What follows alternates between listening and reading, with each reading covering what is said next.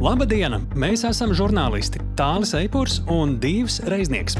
Mūs no sirds interesē, kas notiek Ukrajinā, kā notiekošais tur ietekmē notikumus šeit, kā mēs šeit varam būt noderīgi cilvēkiem tur. Lai labāk izprastu notiekošo, mēs dzenamies pakaļ personīgiem stāstiem, kas iemieso šo eksistenciālo cīņu. Mēs skaidrojam, ko globāla ziņu virsraksts nozīmē šeit, pie mums. Jo Ukraina cīnās ne tikai par savu brīvību. Ukraina šobrīd ir arī mūsu drošinātājs.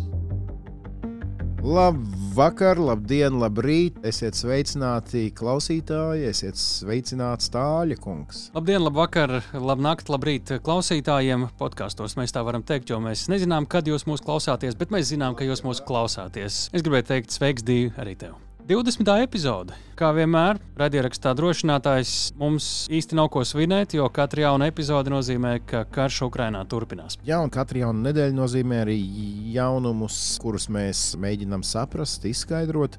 Tāpat arī dzenamies pakaļ personīgiem stāstiem. Tāds atrasts ir arī šoreiz. Par ko būs stāli? Tu šoreiz biji tas, kurš runāja ar mūsu viesi. Tā būs saruna ar cilvēku, kurš vismaz trīs mēnešus ir nodzīvojis un nostrādājis uh, uz laika aplenktās Černīhijas pilsētas slimnīcā, arī kara hospitālī, bet burtiski dzīvojis šajās telpās uh, kopā ar kolēģiem. Uh, viņš izstāstīs, kā tas bija.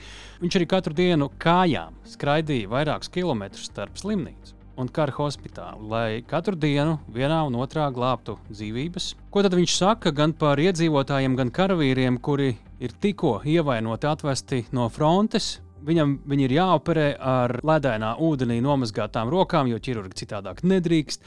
Ko viņš saka, kāda tad vispār ir pilsētas dzīve, pēdiņās ikdiena, kara apstākļos, ņemot vērā, ka tur, piemēram, nav sakaru, ar kuriem izsaukt ātrā palīdzību. Un daudz šādas detaļas, kas ļauj iztēloties, kāda ir gan civilā, gan kara dzīve mediķim, aktīvam mediķim, un to vērojumu ir ļoti daudz un visai skaudri. Jā, interviju jau noklausījos, un noteikti var ieteikt eh, to noklausīties arī jums. Bet jums ir nedaudz jāpagaida, jo podkāstā drošinātājs mēs vienmēr darbojamies pēc viena principa. Ir šī lielā intervija, tā ir mūsu raidierakstu otrajā daļā, bet sākam mēs vienmēr ar pēdējās nedēļas aktuālāko lietu iztirzāšanu, skaidrošanu un izpratšanu. Tajā mums palīdz Kristīna Bērziņa, Vašingtonā, Maršala fonda pētniece. Ar viņu mēs runāsim gan par to, vai Ukraiņi tērē pārāk daudz munīcijas, vai rietumi spēj vienkārši saražot pārāk maz. Tad arī pārunāsim Ungārijas pārsteigumu šajā nedēļā. Ungāru ārlietu ministrs aizlidoja uz kurieni? Uz Baltkrieviju ko viņš tur darīja un kāpēc viņš tur bija. Tā skaitā, starp citu, varbūt uz atzimst Austro-Ungārijas impēriju. Jā, es arī skatos, ka tur ir diezgan tā kā tur Austrija sāk pūst līdzīgā stabulē kā Ungārija. Jā, un Kristīna tur tīri labi paskaidros mums par to, bet sāksim mēs ar iespējams svarīgāko tēmu. Es pat nezinu ziņās, vai viņi ir pietiekami atspoguļota, kas notiek Moldovā. Par Moldovu mēs, starp citu, runājām iepriekš, bet tagad tie stāsti ir attīstījušies tālāk, diemžēl. Attīstījušies tik tālu, ka prezidenti nu jau publiski runā par to, ka Krievija gatavo valstī apvērsumu. Moldovā interesanti vairāki fakti. Viens tas, ka sabiedrība ir sašķelta gan arī 50-50. Vieni ir tie, kuriem vairāk patīk pieslieties Krievijas kursam, otri ir tie, kuri savu nākotni redz rietumu pasaulē. Un, protams, ka ir šis Piedņestras jautājums. Piedņestra teritorija, neliela daļa teritorijas, kurā pārsvarā runā krieviski. Tur ir neliela Krievijas uz papīra, viņa raksta uh, mieru uzturētāju bāzi, ap uh, pusotras tūkstošas karavīru. Tur ir Krievijas militāra persona. Jā, un Moldova. Tātad es jums ieteiktu, varbūt vienkārši atvērt karti un paskatīties, bet tā ir robežojas ar Ukrajinu. Caur Moldovu ļoti daudz bēgļu pēc kara sākuma izbrauca no Ukrajinas. Daudzi palika Moldovā vēl vairāk devās tālāk bēgļu gaitās. Protams, ka mums ir jāsako līdz tam, kas notiek Moldovā. Vai runas par valsts apvērsumu ir pamatotas, nu, to mēs arī prasīsim Kristīnai. Sveiki, Kristīne! Sveiki, Kristīne! Sveiki, sveiki! Moldovas prezidents paziņoja, ka valstī tiekot gatavots apvērsums ja mēs ņemam to kontekstā ar dažas dienas iepriekš eh, Krievijas ārlietu ministra Lavrova teikto, ka nu, Moldova varētu būt nākamā, kurā Krievija ieviesīšot savu kārtību, cik satrauktai jābūt pasaules sabiedrībai par to, kas šobrīd notiek Moldovā un kas gaidāms tur tuvākajā laikā? Moldovā ir bijusi ārkārtīgi pro-rietumiska valdība. Moldova ir piedalījusies visos lielos NATO samitos un sēdēs, un eh, tās vadība ļoti cenšas ievilkt Moldovu rietumos. Bet, kā jau mēs pirms gada redzējām Ukrainā, tas ir tieši tas, ko Krievija nevēlas redzēt. Tāpēc, ka tā nav piektā panta valsts, ka NATO neatiecās vēl uz Moldovu, tad tur var mēģināt kaut ko darīt.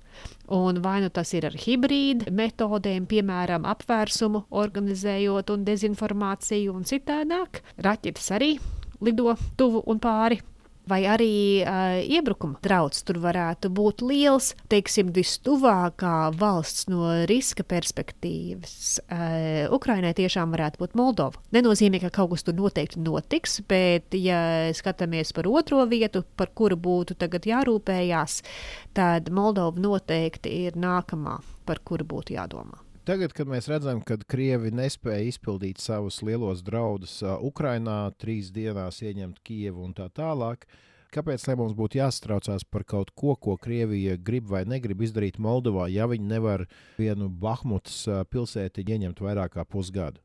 Tāpēc, ka nogalināt, un iebiedēt un radīt traumas cilvēkiem, tas, protams, ir iespējams mērķis varētu būt iebiedēt Moldovu, lai tā atsakās no rietumu virziena.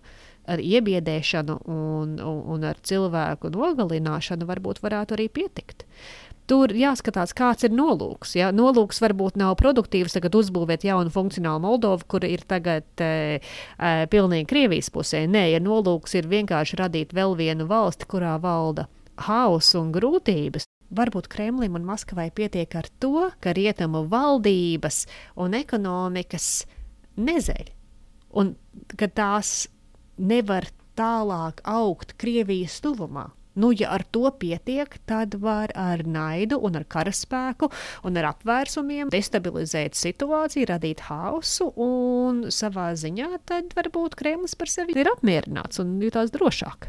Vai tu redzi, ka pro-rietumnieciski noskaņotā prezidenti varētu aicināt mieru uzturētāju statusā vai kā citādi pie sevis rietumu valstu tieši militārās vienības? Moldovā būs tieši tāpat kā Ukrainā, ja gadījumā tur attīstās situācija var aicināt palīdzību, var tie cieši sadarboties, var ziedot un palīdzēt, un, piemēram, dalīties arī ar uh, informāciju, no kurienes varētu nākt uzbrukums un kas notiek. Un, nu, tāpat kā rietumi ir palīdzējuši Ukrainai, tāpat arī visticamāk palīdzētu Moldovai, bet tas nav tas pats, kas sūtīt savus karavīrus Moldovā. Man liekas, atkal tur būtu tāda robeža novilkta, ka nu, nu, tas varētu būt pat traku katrā ziņā sekosim līdz notikumiem Moldovā, lai viņiem uh, viss izdodas. Uh, šobrīd pārceļamies nedaudz tuvāk Latvijai.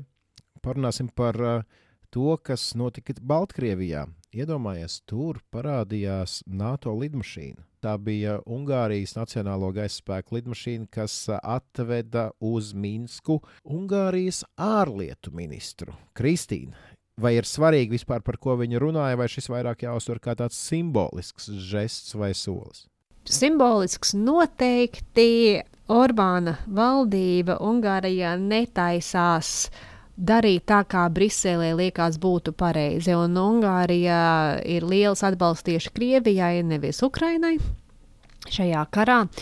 Un atrast savu ceļu gan ar Krieviju, gan ar Ķīnu ir Ungārijas ārpolitikas mērķis. Protams, ļoti sarežģīti, ņemot vērā, ka Ungārija ir NATO un Eiropas Savienības dalība valsts. E, varbūt nav tik ļoti nozīmīga, cik uh, Turcija savos untumos, bet paļauties uz Ungāriju ir grūti. Un uh, tas, ka Ungārija meklē savu ceļu ar Baltkrieviju, bet Baltkrievijā par Krievijas jautājumiem. Uh, arī runāt, un, un iespējams arī ar krieviem runāt, un Krievijas valdības pārstāvjiem par to, kas notiek tālāk.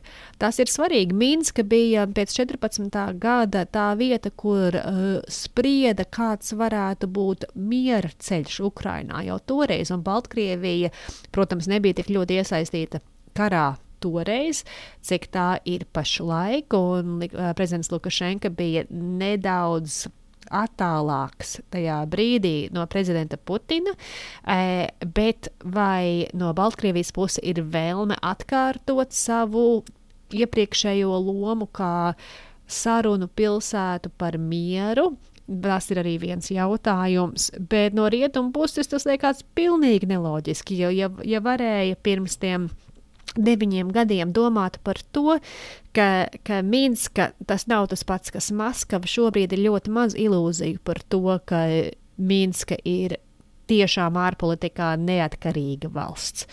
Tādēļ e, nekādas nopietnas vai, es teiktu, nozīmīgas sarunas Minskā arī nevarētu notikt. Bet tas, ka Ungārija uzdrīkstās lidot uz Minsku un veikt savas sarunas, tas parāda drīzāk Ungārijas neapmierinātību ar Briseli, ar, ar sabiedrotajiem, nevis kaut kādu sabiedroto nostāju.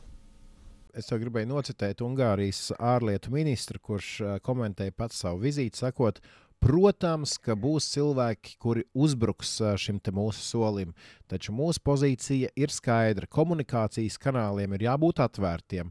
Bez atvērtiem komunikācijas kanāliem nav iespējams pārunas, un bez pārunām nav iespējams miers. Ungārija laikam ir vienīgā valsts Eiropā, kur vēl nav sadzirdējusi Ukrāņu nostāju, ka šobrīd viņi nav gatavi nekādām pārunām. Es neteiktu, ka Ungārija ir vienīgā valsts. Mums ir arī, arī Eiropas vidū ir citas valstis, kuras arī nav vēl īsti sadzirdējušas to, kas ir pēdējā gada laikā noticis, vai nevēlas to dzirdēt. Tām ir tikai izdevīgi sevi atbalstīt, nevis domāt par Ukraiņu vai Eiropas tālāko nākotni. Klau, un tad vēl viena papildus ziņa bonusiņā. Austrija izceļas ar to, ka esot uh, atteikusies apmācīt Ukrāņu tankistu vienības uh, tieši Leopardu tanku izmantošanā. Man tāds provokatīvs jautājums, nu, ko mēs redzam Austro-Ungārijas uh, impērijas atjaunošanās, vai, vai ko? Nu, ir ļoti līdzīgas ārpolitikas nostājas uh, attiecībā uz Ukrajinu un, un Krieviju. Austrija mēdz pieklājīgāk uzvesties nekā Ungārija. Bet Austrija nav atbalstījusi Ukrainu tā, kā pārējās Eiropas valstis to ir darījušas. Un viens jautājums ir par leopardiem.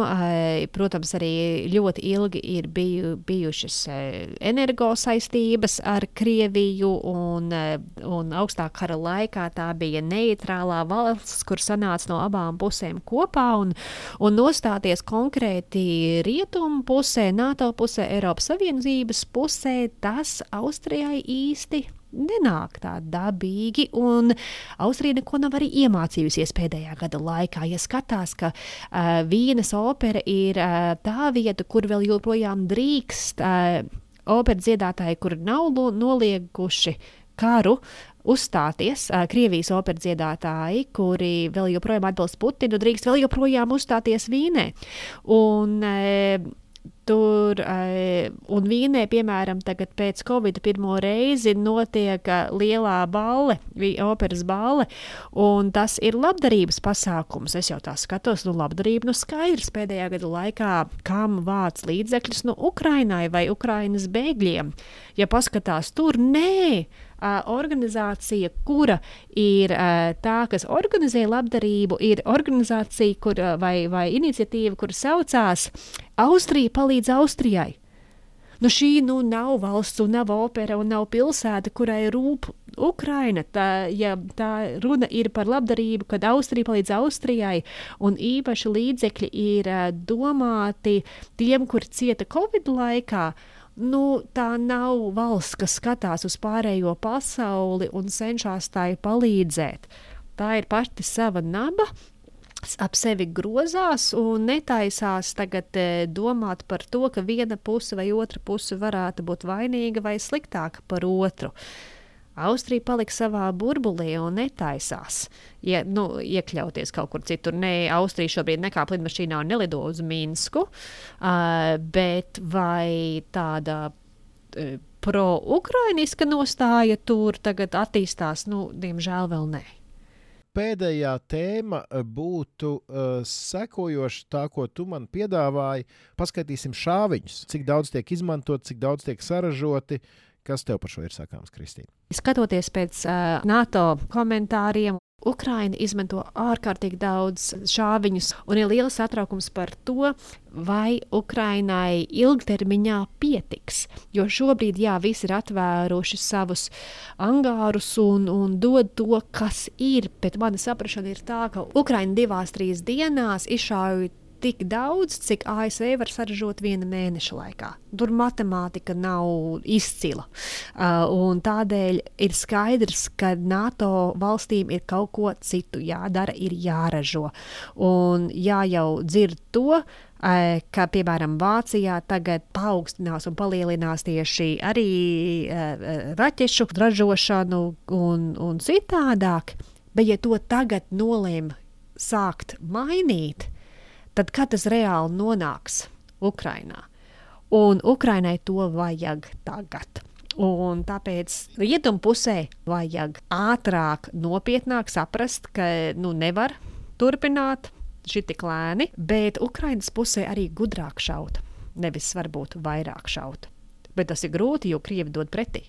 Un jautājums ir, kā atrast to līdzsvaru starp gudru šaušanu un daudz šaušanu lai būtu godīgi, piemēram, pret vāciešiem, kurus mēs mūsu sarunās arī gan daudz esam pieminējuši, un varbūt ne ar to pozitīvāko intonāciju, tad jāpiebilst, ka jaunais Vācijas aizsardzības ministrs Pistorijus ir paziņojis, ka nu, mums ir problēmas ar, ar munīciju pretgaisa šīm aizsardzības sistēmām Gepard, un mums viņas sāk aptrūkties, tāpēc mēs uh, atsaldēsim 2010. gadā iesaldēto ražošanu un uh, sāksim atkal izgatavot uh, lādiņus pretgaisa aizsardzības sistēmām. Tā kā redzam, jauns ministrs, jauna varbūt tāda noteiktāka rīcība, un uh, tas ir kaut kas tāds, laikam, par ko mēs uh, varam uh, priecāties.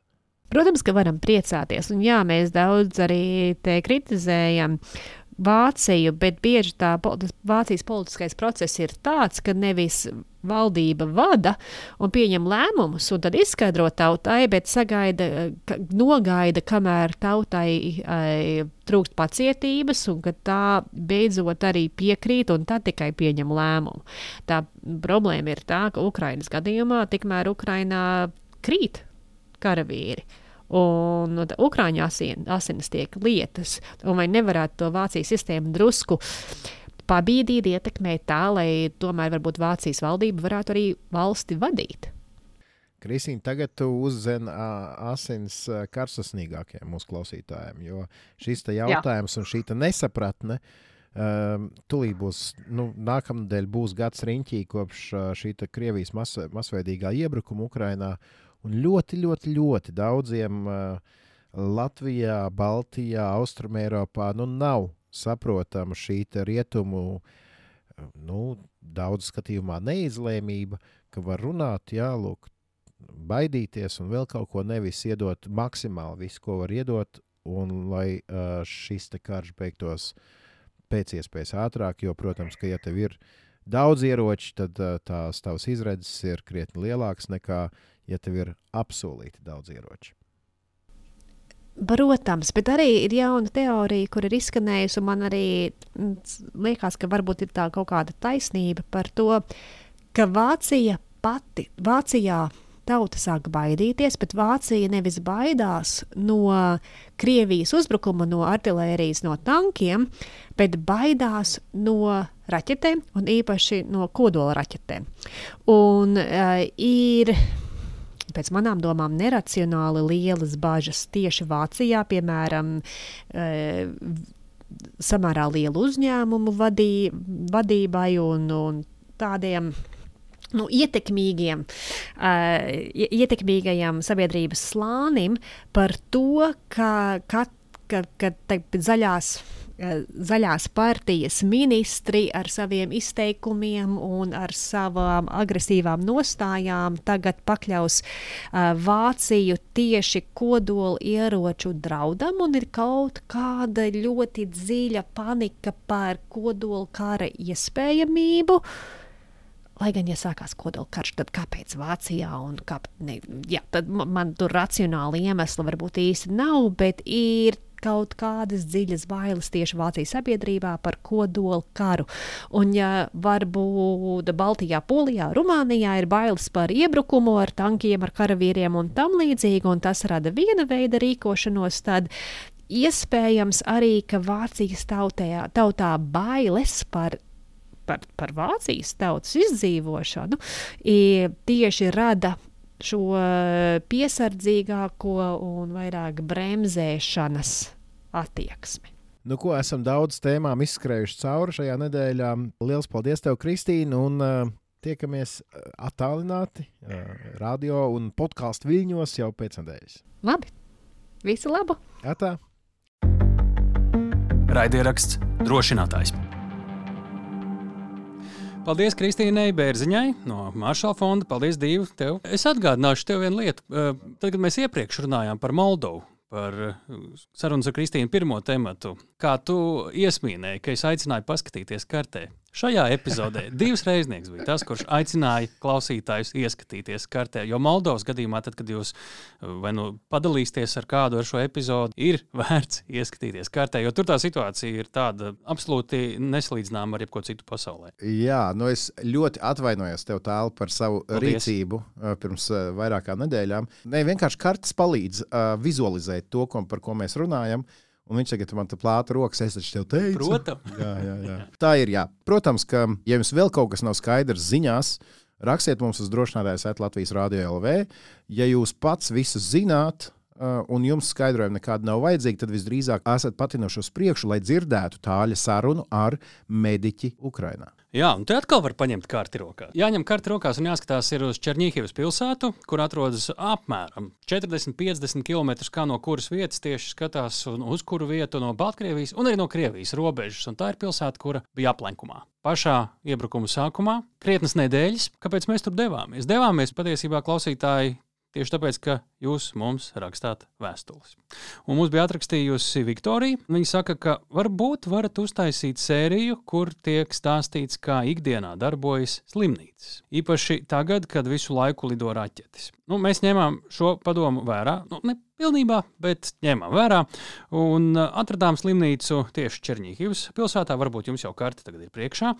Un atradām ārstu, ķirurgu Romānu Bondarenko. Un, lai arī sākumā viņa stāsts šķita tāds, šo mēs kaut kur karā esam varbūt arī dzirdējuši, tad ar katru jautājumu un ar katru atbildi, ko viņš sniedz, ar viens skaudrāk, tas viss stāsts lika sajust to kara realitāti. Un kurš vēl labāk redz, kas notiek sabiedrībā, ja ne ārsts, kurš vēl labāk redz, kas notiek karā, ja ne ārsts, kurš strādā gan civilajā slimnīcā, gan kara hospitālī. Jā, gan par atšķirībām, un tur ir atšķirības.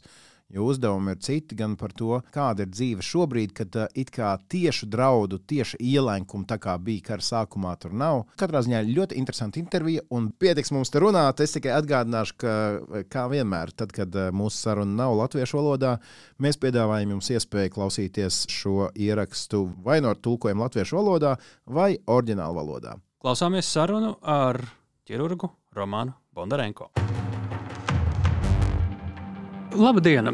Izstāstiet, lūdzu, Kas jūs esat, ko darāt? Добрый день всем вашим слушателям, всем гражданам Latvijas. Labdien visiem klausītājiem un Latvijas iedzīvotājiem! Esmu asinsvadu ķirurgs. Strādāju Černīhivas pilsētas trešajā slimnīcā. Civilajā medicīnā es vairāk nodarbojos ar fleboloģiju, venozās sistēmas saslimšanām, varikozo vēju paplašināšanos, kāju trofiskajām čūlām pēc tromboflebīta sindroma. Latvijā, starp citu, tas ir ļoti labi attīstīts. Kādreiz kādreiz eh, pat pie jums braucu stažēties.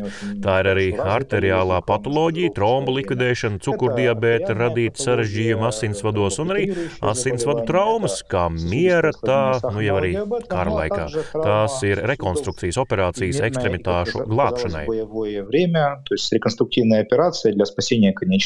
Un bez tā visa cik zinu, arī pie viena esat tēvs. Jā, tēvs diviem brīnišķīgiem dēliem.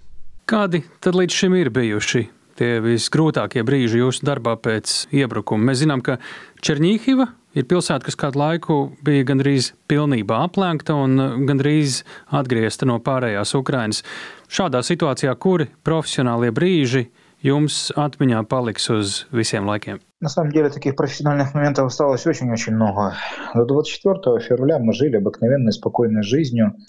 Patiesībā profesionāli tādu brīžu ir bijis ļoti, ļoti daudz. 24. februārī mēs dzīvojām parastu un mierīgu dzīvi, plānojam attīstību, stažēšanos ārzemēs. Man katru gadu ir jāiziet vai nu kādas stažēšanās, vai arī noteikts apjoms tieši saistīts apmācību, lai uzturētu savu ārsta certifikātu, bet 24. 4. februārī ir grūti aprakstīt to, kā tu pamosties no tā, ka tavu pilsētu bombardē.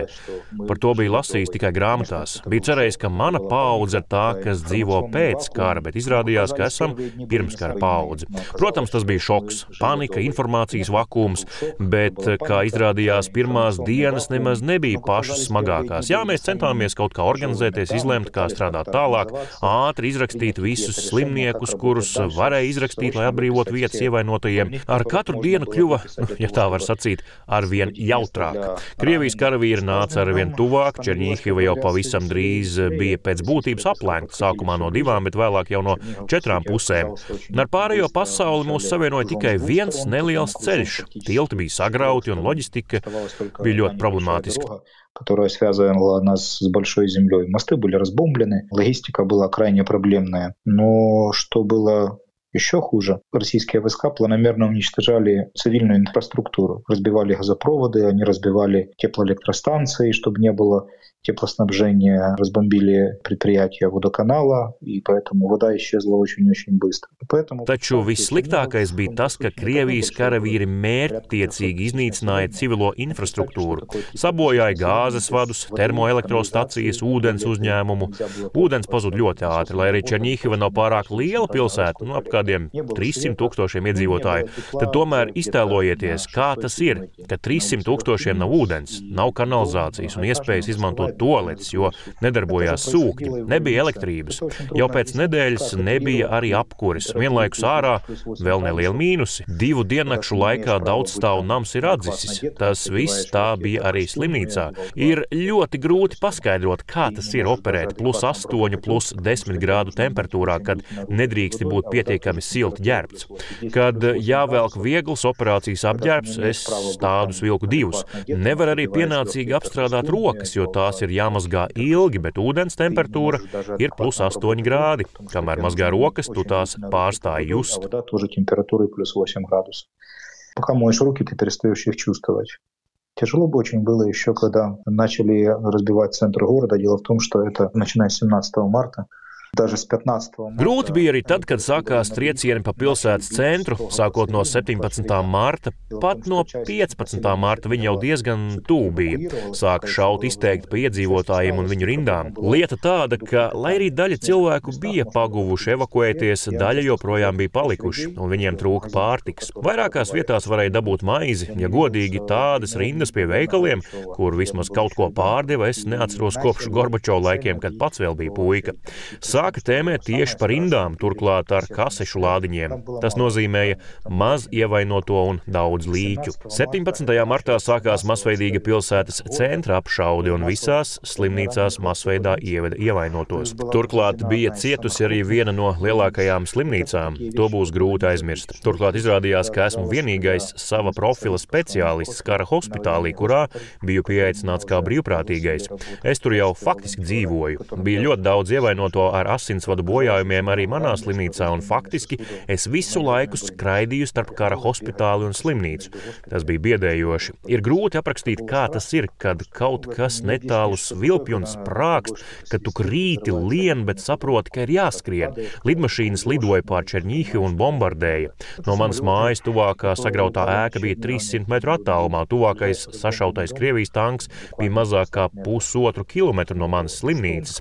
Slimnīcā, kurā strādāja strādāja vairākās vietās trāpīja artilērija. Brīnums, ka nebija cietušo. Sašāva datortomogrāfijas aparātu, ļoti cieta operācija bloks. Tur visām zālēm logi bija izsisti, bet uz ielas mīnus 2 grādi. To visu aizsit ar finieri, bet uh, turpat vien bija jāoperē un jāoperē daudz. Представьте, что выбило все окна во всех операционных. На улице минус 2. Это все было забито фанерой, но оперировать приходилось в тех же операционных. Оперировать приходилось много. Kā jūs šādā situācijā tad sadalījāt to laiku starp slimnīcu un starp kara hospitāli? Дело в том, что мне повезло, мне получилось с волонтерами эвакуировать 8 марта свою жену и детей. То есть мне уже стало в этом плане полегче. Jāsāk ar to, ka man paveicās ar brīvprātīgajiem evakuēt sievu un bērnus. Tas daudz ko atviegloja. Es sapratu, ka situācija ir ļoti nopietna un man nav kur atkāpties. Es dzīvoju hospitālī, mājās es nedzīvoju.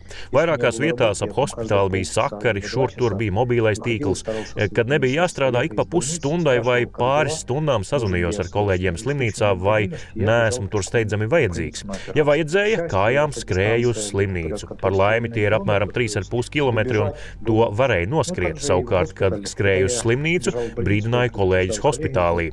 Tur bija paaicināti arī citi civilie ārsti, vesela komanda - ķirurgi, onkologi, traumatologi, anesteziologi. Ļoti spēcīga un motivēta komanda, kas sevi ļoti labi parādīja. Brīdināju, ka izskrienu un pa kādu maršrutu, un ka tur operācijas zālē var arī nebūt saka vakaru. Ja vajadzēja, kolēģis riskēja, ņēma mašīnu un brauca pēc manis, stāvēja pie slimnīcas un signalizēja. Es sapratu, ka atbraukts pēc manis, visu met pie malas un skrēju. Tas nozīmēja, ka vajag manu palīdzību. Kaut kā tā arī dzīvojām.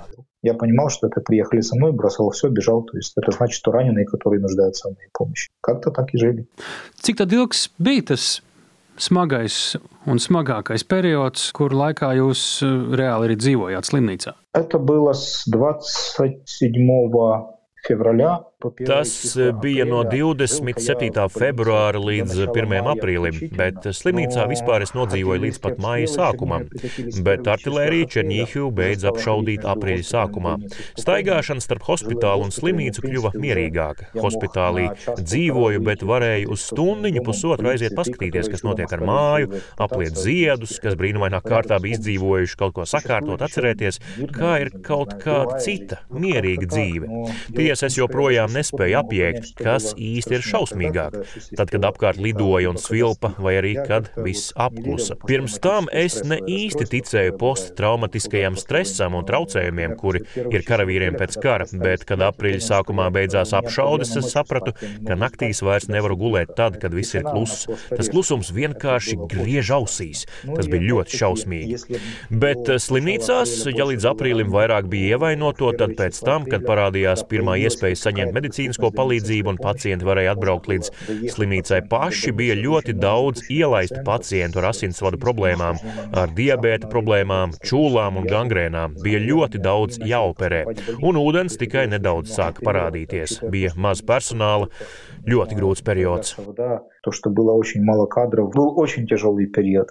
Nu, un kā tas tālāk attīstījās, varbūt pat līdz šim brīdim? Март месяц был очень горячим, много раненых цивильных, много раненых военных. Это все приходилось работать, это приходилось и днем, и ночью. Marts bija karsts mēnesis, daudz ievainot iedzīvotāju un karavīru. Darbi ritēja dienu un nakti. Ar kolēģiem dzīvojām hospitālī sešvietīgā palātā, kur mums iedalīja gultas. Tas bija komandas darbs. Visi kolēģi, ārsti, māsaņas, personāls, kas palika un nebija evakuējušies, dzīvoja slimnīcā ar izsistiem logiem, bez apkurs un ūdens. Ūdeni uz slimnīcu veda reizi diennaktī. Ūdens vedējs signalizēja, ja 5-7 minūšu laikā neviens neatnāca ņemt ūdeni, tad brauc prom. Tāpēc kāds vienmēr dežūrēja un sauca citus. Visi saskrēja ar spaiņiem. Ja es tajā brīdī biju slimnīcā uz pārsiešanām vai operācijām, tad vispirms bija jāsanes 7 līdz 8 spaiņu ūdens uz 4 vai 5 stāvu, palīdzot kolēģiem, māsiņām, jaunām meitenēm. Piedod, nav viegli to visu atcerēties, kā pacientiem jānodrošina elementāri apstākļi. Aprīlī tas viss norima. Viņus aizdina līdz robežai robežai, sāka pienākt kaut kāda humanitārā palīdzība un pārtiks produkti. Šeit, starp citu, paldies visiem, kuri tobrīd palīdzēja, taču tad sāka vēst ievainotos no robežas, jo karš turpinājās. Apšaudīja robežu, mūsu karavīrus un pierobežas pilsētas. Kad viņi atkāpās, tur bija ne tikai nenormāls marodierisms, tā bija arī visu un visa mīnēšana. Man bija jāoperē vairāki pacienti, kas bija cietuši no mīnas. Tā ir ļoti smaga trauma. Это было минирование всего и всех. Мне пришлось оперировать несколько пациентов, которые подрывались на минах. Это очень тяжелая травма. Апрель месяц, это, в принципе, потихоньку было возвращение к жизни, но Aprīlī bija pakāpeniska atgriešanās dzīvē. Šajā laikā es jau biju iemācījies nomazgāties ar divām pusotra litra pudelēm, kurās pievienoja nedaudz siltu ūdens. Kad atjaunojās ūdens apgāde, elektrība atnācu mājās, atgriezu silto ūdeni, piepildīju vannu, sapratu, ka es tur nevaru iekāpt. Es nesapratu, kā var iekāpt tādā daudzumā ūdens. Nezināju, kā mazgāties vannā. Lūk, tā izmainās cilvēks divos mēnešos kara. Mājas bija grūts, jo civilo pacientu kļuva arvien vairāk un vairāk. Bija arī daudz karavīru. Visi bija kaut kā turējušies uz stresa un adrenalīna, bet tiklīdz kļuva nedaudz klusāks, mūsu reģionā daudziem sāsnājās hroniskas patoloģijas. Arī tās man kara ārsti lūdza operēt. Faktiski strādāju bez brīvdienām līdz jūnija sākumam. Un tad mani pašu veselība pievīla un bija kādu brīdi jāārstējas pašam.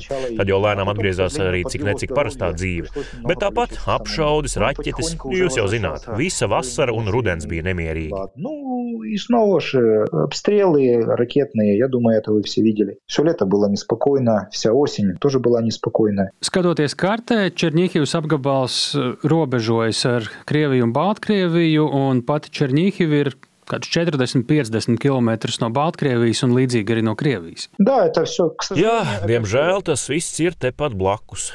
Un kāds šobrīd ir jūsu ritms? Сейчас ритм в ожидании нового прихода, потому что мы все видим, что... Šobrīd dzīvojam jauna uzbrukuma gaidās. Redzam, ka nekas nenorimst.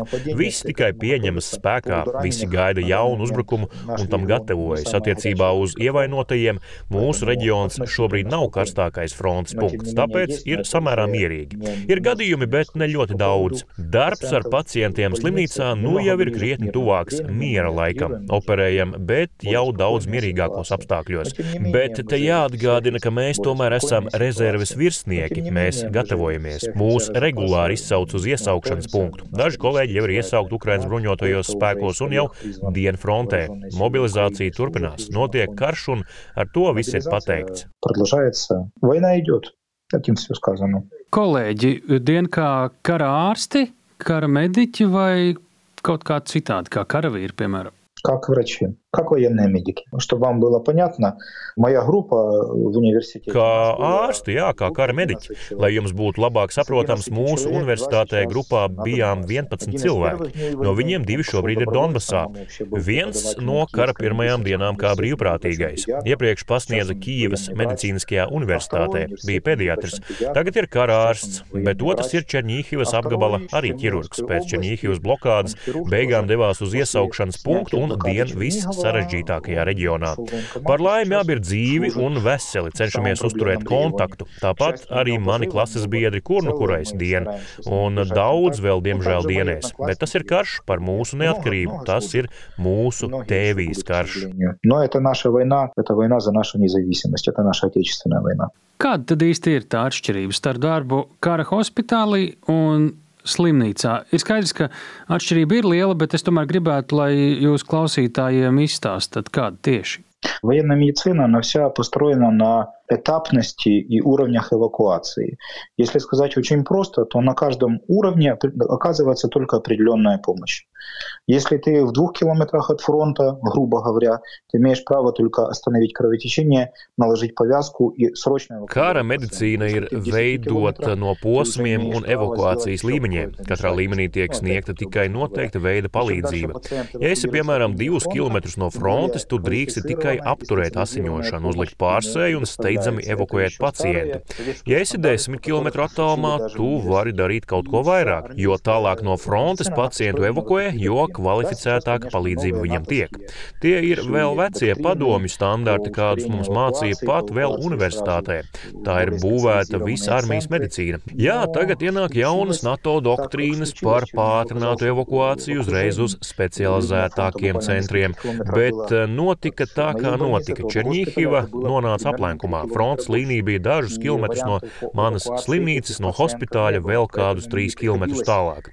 Un pacientus nekur nevarēja evakuēt. Tāpēc man bija jāveic asinsvadu rekonstrukcijas operācijas, lai gan dažus kilometrus no frontes, saskaņā ar visiem kara kanoniem, es nemaz to nedrīkstēju darīt. Ja to apturē asiņošanu, vienkārši noslēdzot asinsvadus, tad amputācijas risks ir 50 līdz 70% liels. Tas nav apmierinošs rezultāts. Tāpēc armijas medicīna piemērojās un kļuva daudz civilāka, saprotot, ka drīzumā nevienu nekur nevarēs evakuēt. Turklāt kara medicīnas iestādes bija labāk komplektētas, jo no turienes neviens neevakuējās un bija visi darbinieki. Bet viegli strādāt nebija. Nevienā, ne otrā vietā bija daudz darba, bet mēs nepadevāmies. медицинские учреждения не полностью сохранили свой штат. Хотя, честно вам скажу, было не сладко работать ни там, ни там. Было много работы, но мы не сдавались. Nu, jau no iepriekšējām uh, mūsu podkāstu intervijām ir saprotams, ka, nu, ja nu kādam Ukrainā šobrīd ir elektrība, tās atslēguma laikā, tad tās ir slimnīcas ar ģeneratoriem. К счастью, да, генераторы завезли. Я низко кланяюсь волонтерам, которые просто, я не знаю, каким чудом завозили это все в больницы. Jā, par laimi tā ir. Es dziļi paklanos brīvprātīgajiem, kuri nezinu, kādā veidā to sagādāja slimnīcām. Protams, ir labi, ja ir ģenerators, bet, ja ir aplēkta pilsēta, tilts sagrauts, notiek apšaude. Nu jā, ģenerators ir, bet kur ņemt degvielu? Tāpēc atceros, mums slimnīcā bija viens pats mazākais ģenerators. Pie tā pieslēdzām saldētavas ar asins rezervēm un medikamentiem, kurus jātur augstumā. To ieslēdz uz pusstundu un izslēdz uz pusotru, lai taupītu degvielu. Sarēķinājām, ar kādu temperatūru medikamentiem pietiek. Tagad, par laimi, visi ir daudz gatavāki. Kad atslēdz elektrību, ieslēdzas ģenerators. Diemžēl tas ir bieži, bet slimnīcas turas. Nu jau vairākus mēnešus slimnīcās nav bijis pilna atslēguma. Но больницы, к счастью, держатся. Последние несколько месяцев проблем с тем, что был, был полный блокаут по больницам, больницам, к счастью, этого не было. Nu, jūs teicāt, un ne tikai jūs to sakāt, ka visi redz, tuvojamies daudz tādu aktīvāku iebrukumu posmu, un jūs tam arī gatavojaties. Cik gatavāki jūs šobrīd būsiet, ja mēs salīdzinām ar iebrukumu sākumu? Ja diemžēl atkal būs kaut kādi sācinājumi, un es saprotu, jums vajadzētu būt krietni vien pieredzējušākiem un gatavākiem tādiem darba apstākļiem. Мы тоже так считаем. Когда я остался специалистом единственным э, по своей специальности на свою Mēs arī tā uzskatām, kad bija palicis vienīgais savas jomas speciālists savā slimnīcā un hospitālī, man pirms daudzām operācijām pazuda bailes. Es sapratu, vai nu es to daru, vai nu cilvēks mirst, vai arī paliek bez ekstremitātes. Ir teiciens par to, ka acis baidās, bet rokas dara. Parādījās tāda attieksme. Tagad es saprotu, vienalga, man tas izdosies vai nē, es to darīšu, jo citādi es vienkārši vairs neprotu nesaprotu. Mēs strādāsim un būsim katrs savā vietā. Nu, ja runā par dažādu materiālo nodrošinājumu un apgādi, šī brīža situācijā, kā tas ir mainījies. Jo no vienas puses mēs redzam, ka Ukraiņā vieglāk nekļūst, droši vien grūtāk, bet no citas jūs daudz labāk zināt, kas ir vajadzīgs, kādām rezervēm jābūt slimnīcā. Kā apgādes un infrastruktūras ziņā jūs eh, teikt, ka esat gatavāki? Позвольте мне, э, скажем так, не комментировать этот момент, потому что это могут... Šo lūdzu ļaujiet man nekomentēt, jo to var klausīties daudzi un ne tikai tie, kam tas būtu jādzird. Teiksim tā, secinājumi no pieredzētā ir izdarīti. Cik tie būs efektīvi, cik pareizi mēs būsim sagatavojušies, to parādīs tuvākais laiks. Protams, ceru, ka mūsu zināšanām tuvākajā laikā nebūs pielietojuma, bet visu rādīs laiks. Un nu, nav noslēpums, ka medicīnā ir ļoti daudz sieviešu. Atšķirībā, piemēram, no armijas, no ugunsdzēsējiem, no policijas. Nu, tāpat mēs zinām, ka sievietes Ukrainu atšķirībā no vīriešiem drīkst pamest. Arī Latvijā mēs sastopam ārstus no Ukrainas un mediķus no Ukrainas. Kā tas ir ietekmējis nozari un jūsu slimnīcu? Это, конечно, было тяжело, потому что многие действительно женщины-специалисты уехали. И поймите правильно, если, например, часть врачей это женщины, то среди медсестер например, операционных медсестер, которые работают. Tas, protams, ir grūti, jo daudz sieviešu speciālistu aizbrauca. Turklāt, ja ārstu vidū ir viena daļa sieviešu un otra daļa vīriešu, tad māsas un arī operāciju māsas, ar kurām kopā ir jāstrādā zālē, tās visas ir sievietes. Tā nu ir. Daudzām tā bija izvēle starp pienākumu pret ģimeni un pienākumu pret valsti. Daudzas izvēlējās ģimeni, un man nav tiesību viņas nosodīt. Protams, ka tas lika pamatīgi pārkārtot darbu, jāuzņemas dubultas un pat trīskāršas slodzes. Tā nu cilvēki dzīvoja darbā un strādāja. Jā, tas bija ļoti grūti. Vienlaikus, kad sākās apšaudes, slimnīcā bija diezgan laba bumbu patvērta. Tur pirmajās diennaktīs saskrēja sievietes ar vairāk nekā simt bērniem. Viņi vienkārši nevarēja izbraukt. Ticiet man, mums visiem labāk būtu, ja šīs sievietes ar bērniem varētu izbraukt un neredzētu visas tās šausmas. Mana māsa arī šobrīd ir piespiedu evakuācijā ārzemēs. Es par to priecājos, jo bērni iet skolā un visu šo nedzird, normāli attīstās. Būtu tikpat labi, ja vairāk sieviešu spētu izbraukt, bet darbā tajā laikā katras rokas ir zelta vērtē. Arī man bija daudz vieglāk pēc tam, kad evakuēju sievu ar bērniem, kad zināju, ka viņas ir drošībā. Bija daudz vieglāk operēt un skraidīt starp hospitālu un slimnīcu, jo tad tu atbildi tikai par sevi un vienu dzīvību. Piedodiet, ja es runāju saraustīti, bet tās jau ir emocijas. Es jums to stāstu, un man visi tie tēli vienkārši uzspēlēt. Nav tās labākās atmiņas. Твой быт минимальный. Простите, если говорю скомканно, но это уже эмоции. Я просто сейчас с вами беседую, и я, я вот это все вспоминаю, у меня эти картинки всплывают. Не самое лучшее воспоминание. Vienkārši cilvēks, ne karavīrs, kurš dzīvo Černīhivā vai apgabalā, lūk, kādu palīdzību šobrīd viņš var saņemt, vai visticamāk nesaņems, salīdzinot ar laiku vēl pirms iebrukuma. Un kā tad karš varbūt pat ir mainījis pacientu un ārstu attiecības un arī pacientu iespējas un cerības uz palīdzību? Когда идет активные боевые действия, конечно, медицинская помощь минимальная, доступность медицинской помощи опять-таки минимальная. Скорая помощь как таковая не работает по одной простой причине – Нету связи. Kad notiek aktīva karadarbība, protams, medicīniskās palīdzības pieejamība ir minimāla. Ātrā palīdzība nestrādā. Iemesls ir vienkāršs - nav sakaru.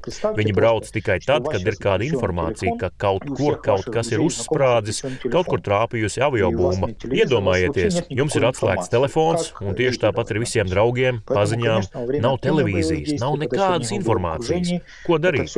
Tāpēc aktīvās karadarbības laikā, kad Černīhiva bija ielenkumā, situācija situācija bija traģiska. Smagus pacientus riskējot veda radinieki. Tie bija pietiekami traģiski brīži. Uzreiz pēc karadarbības norimšanas mūsu reģionā, protams, bija daudz smagu pacientu, jo nokļūšana līdz slimnīcai jau bija cik necik droša. Parādījās sakari un transports. Černihiv tomēr ir centrs vienam no lielākajiem apgabaliem Ukrainā un ir lieli attālumi, daudz purvju un upju, uzspridzināti tilti un daļa ceļu ir mīnēti. Nokļūt bija grūti, tāpēc daudz smagu gadījumu bija большими городками, населенными пунктами, много рек, много болот, мосты были взорваны, часть дорог заминирована, то есть вот э, как доехать пациенту было проблемнее, и поэтому было очень много тяжелых пациентов. Сейчас я сужу по структуре тех пациентов, которые обращаются, это уже ближе к мирному времени, во всяком случае на данный момент, то есть это плановые пациенты, это более-менее стабильные пациенты. Tagad, skatoties uz saviem pacientiem, ir jau tuvāk miera laikam, vismaz pagaidām. Tie ir plānveida pacienti, vairāk vai mazāk stabili pacienti. Ja runājam par palīdzības pieejamību, es pat teiktu, ka tā ir ļoti laba. Kā pacienti redz mūsu ārstus, to gan man ir grūti pateikt, jo pats esmu otrā barikāžu pusē. Ar saviem pacientiem uzturu aktīvu kontaktu, līdz nākamās nedēļas beigām viss pieraksts un operāciju saraksts jau ir pilns. Vairākas operācijas dienā, līdzīgi ir arī vairumam manu kolēģu slimnīcā. Es kā asinsvadu ķirurgs varu veltīt laiku pacientam, kurš vienkārši pieklauvē un saka, piedodiet, doktor, esmu atbraucis no tālu ciemata, vai atvēlēsiet dažas minūtes. Protams, ka es atrodu.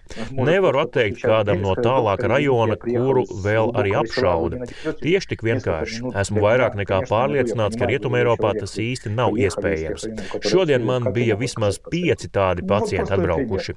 Es starp operācijām viņus pieņēmu, ja viņi ir atbraukuši no dziļas provinces, tas patiešām ir svarīgi. Tāda lieta pie mums медицина vēl pastāv. просто осмотрел, потому что я прекрасно понимаю, что если люди приехали из глубокой провинции, то это действительно надо. Но вот такой момент у нас еще в медицине присутствует. Nu, ja medicīniskā palīdzība ir mazāk pieejama, nu tad šī gada laikā tas tā ilgu laiku ir bijis. Kā jūs teiktu, kā ir mainījusies iedzīvotāju mirstība dažādu ielaistu slimību un citu iemeslu dēļ? Ситуация в марте и апреле была очень плачевна в этом плане, особенно в марте. Так случилось, что я, когда я бегал с больницы в госпиталь обратно, я пробегал мимо одного из городских моргов. Менее чем... Martā un aprīlī situācija bija ļoti bēdīga. Īpaši martā, kad skraidīju starp hospitāli un slimnīcu, skrēju gar vienu no pilsētas morgiem. Koka kastes ar mirušajiem pie tā nekad nebija mazāk par 40, 50. Un katru dienu tās bija citas kastes. Tie nebija pat zārki. Tās bija steigā sanaglotas kastes. Tik daudz zārku pie morga es nekad nebiju redzējis. Pilsētas centrā ir meža parks, un tur bija brāļu kapi, kur šos cilvēkus glabāja. Es nezinu, kāda par to ir oficiālā informācija, bet tas ir tas, ko es pieredzēju. Īpaši jau sirmgāvi un cilvēki ar hroniskām saslimšanām. Iedomājieties, kur aplenktā pilsētā ņemt insulīnu diabētiķiem, kur ņemt preparātus cilvēkiem ar hormonālām slimībām, nemaz nerunājot par onkoloģijas slimniekiem, kam vajadzēja ķīmijterapiju. Man bail domāt, kā izdzīvoja tie, kam bija hroniska nieru mazspēja. Es klusēju par miokārdu infarktu pacientiem, kuri nesaņēma stentēšanu vai vismaz tikt kaut kur aizvest. Tas bija ļoti skumji. Skaitļus es nezinu, bet katru dienu redzēju jaunas un jaunas kastes mirušo apglabāšanai. Un tas bija tikai viens no morgiem. Я могу сказать только то, что каждый день я видел все новые и новые ящики для захоронения умерших. И это только один из моргов. Моргов было несколько. Ja mēs runājam par noskaņojumu slimnīcās, nu tās nav tās vietas, kur visi vēlas nokļūt. Un, nu, tur mēs zinām, cilvēki kļūst tādi nervozi pat miera laikā. Dakteri, kā mēs zinām, ar pacientiem, pacientu prāt vienmēr par maz sarunājas, pacienti par visu, ko, protams, uztraucas. Kā ir pamainījušās tās attiecības starp cilvēkiem slimnīcā, vai vienam otra saprāšana ir kļuvusi tāda saspringtāka un skumjāka, vai varbūt arī tieši pretēji? Скорее, наоборот, более э, душевно, во всяком случае, по Чернигову. Особенно среди тех врачей и пациентов, которые здесь оставались, и вот они понимают друг друга. Понимаете, это время активных боевых действий. Drīzāk otrādi.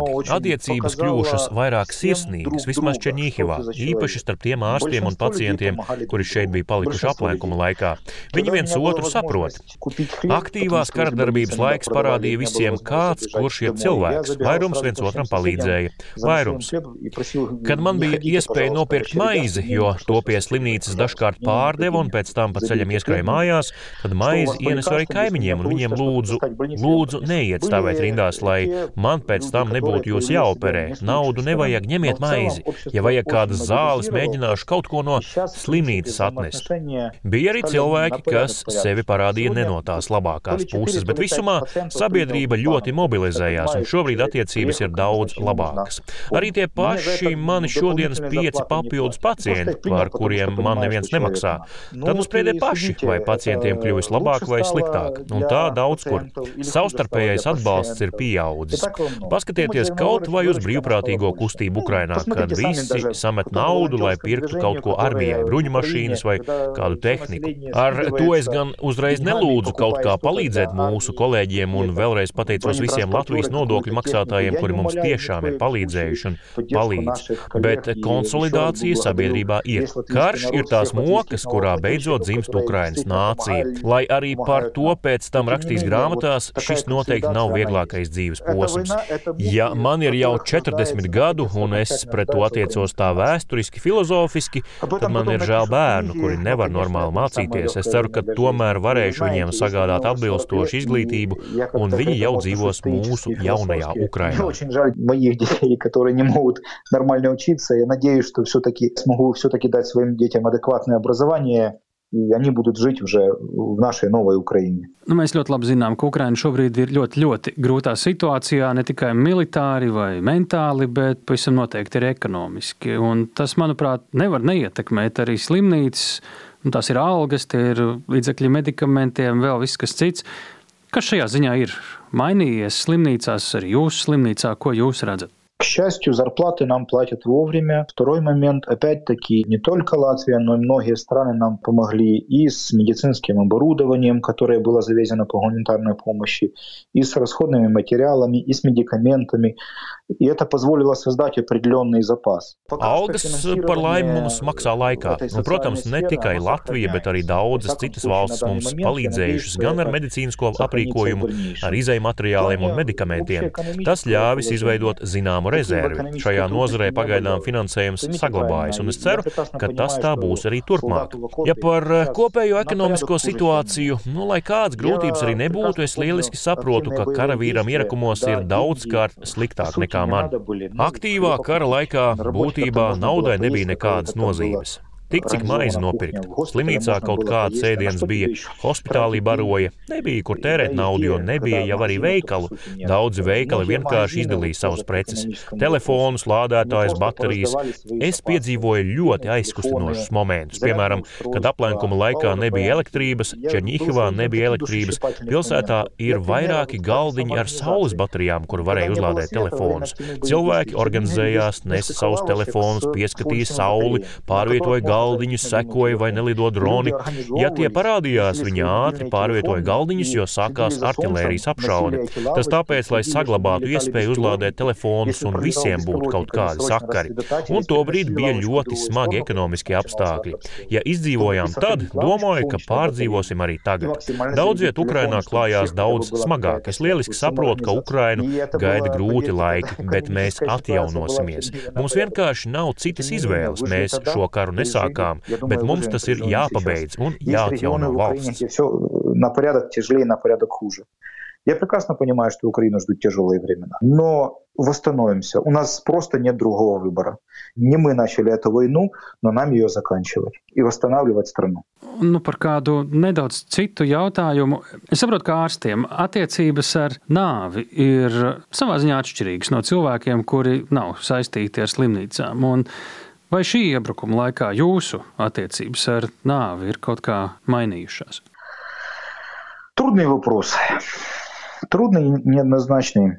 Как хирургу, который очень долго работал в неотложной хирургии, видевшему смерть, к этому по-своему привыкает. Grūts jautājums. Grūts un neviennozīmīgs. Kā ķirurgam, kurš ilgi nostrādājis neatliekamajā ķirurģijā un redzējis nāvi, pie tā savā ziņā pierod. Tomēr, kad redzi aizgājēja radinieku asaras, tās vienmēr ir nepatīkamas sajūtas. Ir tāds vecs latiņu teiciens: es izdarīju visu, ko varēju, bet ja kāds zina un prot labāk, lai izdara citādāk. Kad tev atved mirstošu cilvēku un vienīgais, ko vari darīt, ir atvieglot viņa ciešanas, tās ir vienas sajūtas kā dara visu iespējamo, bet viss notiek kaut kā ne tā, tās ir citas sajūtas. Cilvēka nāve ir liela traģēdija. Vairums ārstu neatliekamajā palīdzībā, ķirurģijā, traumatoloģijā, ortopēdijā, anestezioloģijā viņi reti nodzīvo līdz lielam vecumam. Viņi aiziet agrāk, jo, lai kā tu centies nenocietināt sirdi, viņi to tāpat izlaiž caur sevi. Reti kurš redz ķirurga asaras, kad viņam ir aizgājis pacients, bet ticiet man, tādas ir, par to vienkārši nerunā. Bet tas cinisms, par ko kādreiz cilvēki runā, tā bieži vien ir aizsargreakcija. Pajautājiet psihologiem. Просто мало об этом говорят. А некоторый цинизм, который вот так на людях говорится, это очень часто защитная реакция. Я думаю, психологи вам по этому поводу расскажут больше. Bet šī gada laikā jūs esat saticis cilvēkus, kuriem tā ir bijusi izvēle doties pretī nāvei. Vai tas nav mainījis jūsu attieksmi pret dzīvības cenu? Вы знаете, я затрудняюсь ответить на этот вопрос. Grūti uz šo atbildēt. Ziniet, katrs ir izdarījis savu izvēli, un tā nav bijusi viegla. Arī es, un es esmu darījis visu iespējamo un to, ko pratis. Nu, jūs un kolēģi esat tie, kuri satiek karavīrus pat taisno no kaujas lauka, un reti kuram, ja neskaita pašus karavīrus, nāks pietuvoties tik tuvu karam, es vēlētos tos brīžus saprast. Это всегда тяжело. Понимаете, каждый раненый – это человек не в себе. Это человек, которого вот э, смерть отпустила, и непонятно, надолго ли, и успеешь ты перехватить его или нет. Это человек, который вот, он еще воюет, он еще рвется, он, он еще там. Это человек, которого ну, Tas vienmēr ir smagi. Katrs ievainotais ir ļoti satraukts. Tas ir cilvēks, kuru nāve ir atlaidusi, bet nav skaidrs uz cik ilgu laiku, un nav zināms, vai izdosies viņu pārtvert vai nē. Tas ir cilvēks, kurš vēl karo, kurš joprojām raujas uz priekšu un, un ir tur. Tas ir cilvēks, kuru nekādi negribas zaudēt, kuru gribas izglābt ar visām patiesībām un nepatiesībām. Tad viņam iestājas nākamā stadija. Viņš saprot, ka ir nopietni un uz ilgu laiku viņu pārņem depresija. Iedomājieties, nav elektrības, ūdens. Tu ej ar lukturīti apgaitā. Tev jāieskatās viņam acīs un jāsaprot, vai kaut kas nav ne tā. Jānoķer viņš psiholoģiski. Man mājās bija bibliotēka, pat ar vecām padomu grāmatām, krieviski un ukrainiski. Arī Valentīns Pikulis, kas dzīvoja Rīgā. Es tās dalīju arī ievainotajiem, kuri to negribēja. Teicu, lūdzu, lasiet. Gribiet, es jums kārtas atnesīšu. Spēlējiet, runājiet viens ar otru. Vajadzēja noturēt to pacientu, ļaut noticēt, ka viss būs labi. Tie bija smagi pacienti ar mīnu sprādzienu traumām, eh, kad pa visu ķermeni ir daudz šķēmu, plaušās, vēdrā, kājās, kājstarpē. Cilvēki ar norautiem locekļiem. Viņus bija jānotur, un tajā brīdī atved jaunu ievainoto, un arī to ir jānotur. Puiši, tikai nepadodieties, tikai nepadodieties! Kad viņus izdevās evakuēt, paskaidrot nākamajam nodaļas vadītājam, ka viņi ir jāpieskata, un tu pārdzīvo, kādu palīdzību viņi tālāk saņems. Tie ir cilvēki, kurus tu esi izlaidis caur savu sirdi un joprojām nevari atlaist. Par laimi esmu redzējis ievainotos, kuri jau ir rehabilitējušies, un man bijis viņus jākonsultē. Jā, tie jau ir nedaudz citi cilvēki. Viņiem acīs ir atgriezusies dzīvības uguns. Я видел нескольких раненых, к счастью, которые Э, уже реабилитировались в отделениях реабилитации, сейчас меня туда вызывали на консультацию. Да, это люди все-таки уже несколько другие, у них опять появился огонь жизни в глазах. Поменялось ли мое отношение к смерти? Nu, nezināju. Ja Vai var teikt, ka ir mainījusies mana attieksme pret nāvi? Nezinu. Es esmu ārsts un man ar viņu ir jācīnās, pat ja es saprotu, ka tas ir Sīzifa darbs. Bija tāda lieliska filma Hexo Ridge, jeb kauja par Hexo Ridge, par ASV karavīru, kurš reliģiski reliģisku apsvērumu dēļ neņēma rokās ieroci, lai arī dienēja jūras kainiekos, bija sanitārs un nesa ārā ievainotos. Es atceros viņa lūgšanu. Kungs, dod man iespēju izvilkt kaut vēl vienu ievainoto. Lūk, katru reizi, kad tu ej, tu lūdz Dievu, lai varētu izvilkt vēl vienu. Palīdzi ar manām rokām šim pacientam. Tie vārdi vienmēr ir prātā. Gribas izglābt vismaz vēl vienu, to, kurš ir šeit, šajā mirklī. Atvainojiet, es kļuvu emocionāls un varbūt хаотически sanāca. Вот, вот сейчас, сию секунду. Ну вот как-то так. Извините, сумбурно, но я уже, на, я уже на эмоциях. Ļoti, ļoti liels paldies, ka jūs piekritāt atbildēt uz šādu jautājumu. Manuprāt, tas ir gan grūti, gan arī ļoti, ļoti svarīgi. Bet šobrīd mums lēnām izskatās, ka jābeidz saruna. Пока я отвернулся, уже все, все конфеты. Kamēr mēs te runājamies, un es novērsos bērni, jau visas konfekts man aiz muguras ir apēduši. Vajadzēs iet audzināt. Vaspītavать. un vēl, kā cilvēki Latvijā jums slimnīcā varētu vislabāk palīdzēt? Вы уже и так сделали много. Я не вправе даже что-то просить больше. Ja domāju, время покажет. Вы показали Jūs jau tā esat daudz paveikuši. Man pat nav tiesību kaut ko vēl lūgt. Laiks rādīs. Jūs sevi parādījāt no ļoti pozitīvas puses. Ja cilvēks ir cilvēks, tad viņš vienmēr tāds būs. Tāpēc liels paldies visai Latvijas tautai un nodokļu maksātājiem, kuri saprot, ka šī nauda neaiziet kaut kādiem mūsu mākoņainiem sapņiem, bet gan lai nosargātu savu neatkarību un arī Eiropu padarītu daudz drošāku. Man ar savām divām augstākajām izglītībām ir skaidrs, ka šobrīd izšķiras visa Eiropas kontinenta tuvāko simt gadu nākotne. Vai nu kontinents būs stabils un drošs, vai Eiropa būs uzplaukuma un cilvēktiesību oāze, vai arī nebūs. Tomēr novēlu visu to labāko un laiks visu parādīs. Большое спасибо. А время оно само покажет и подскажет. Я думаю так. Ko jums pašam novēlēt? Наверное, здоровье, потому что здоровье... Droši vien veselību, jo to man vēl vajadzēs. Jāpabeidz karš, maksimāli jāpalīdz ievainotajiem, slimajiem un pēc tam jāatjauno valsts un jābūvē savu bērnu nākotni. Es tomēr ceru viņiem iedot labu izglītību. будущее своих детей. Я все-таки мечтаю им дать достойное образование. Jā, jūs nu, dien neesat pirmais, kurš mums saka kaut ko līdzīgu. Знаете, есть такое понятие, как менталитет. Ziniet, ir tāda lieta kā mentalitāte, nācijas, psiholoģija un vērtības. Ukrainā ģimene un bērni ir ļoti liela vērtība. Domāju, ka Latvija arī. Tāpēc paldies jums, bija prieks sarunāties un ceru satikties mierīgā Ukrainā un arī Latvijā. Es tomēr vēlreiz gribētu atbraukt, apsolīju sievai parādīt jūrmalu un daudz domāju arī par stažēšanos. Мыслей насчет стажировок, ведь должен я строить какие-то планы. Nu, jums ir mans numurs. Un jums ir manējais. Ceru, ka jums manējais kā ārsta numurs nebūs vajadzīgs.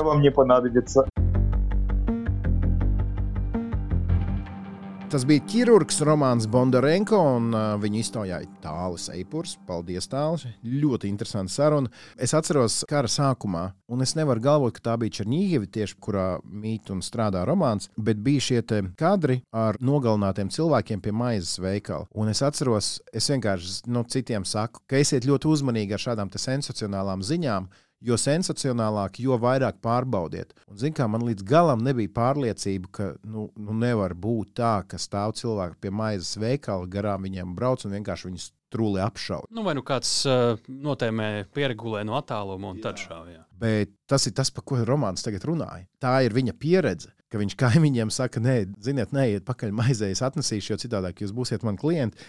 Oh, traki!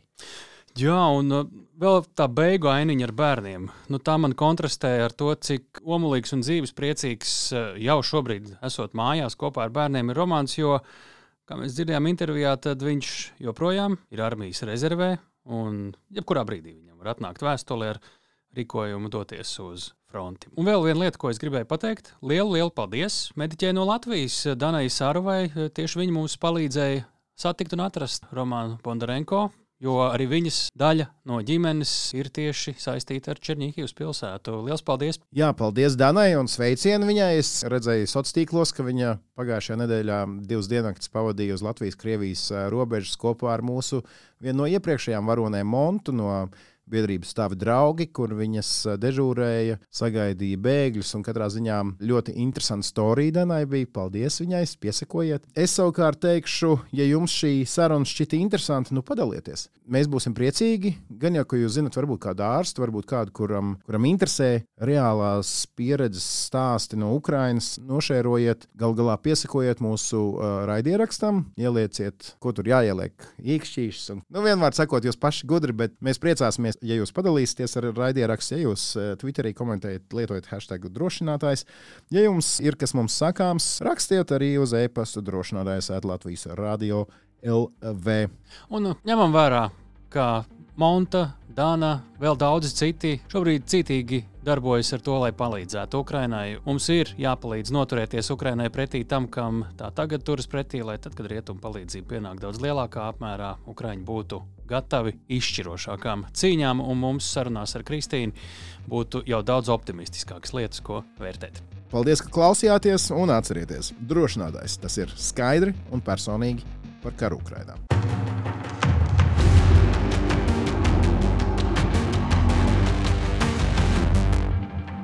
Raidieraksts drošinātājs.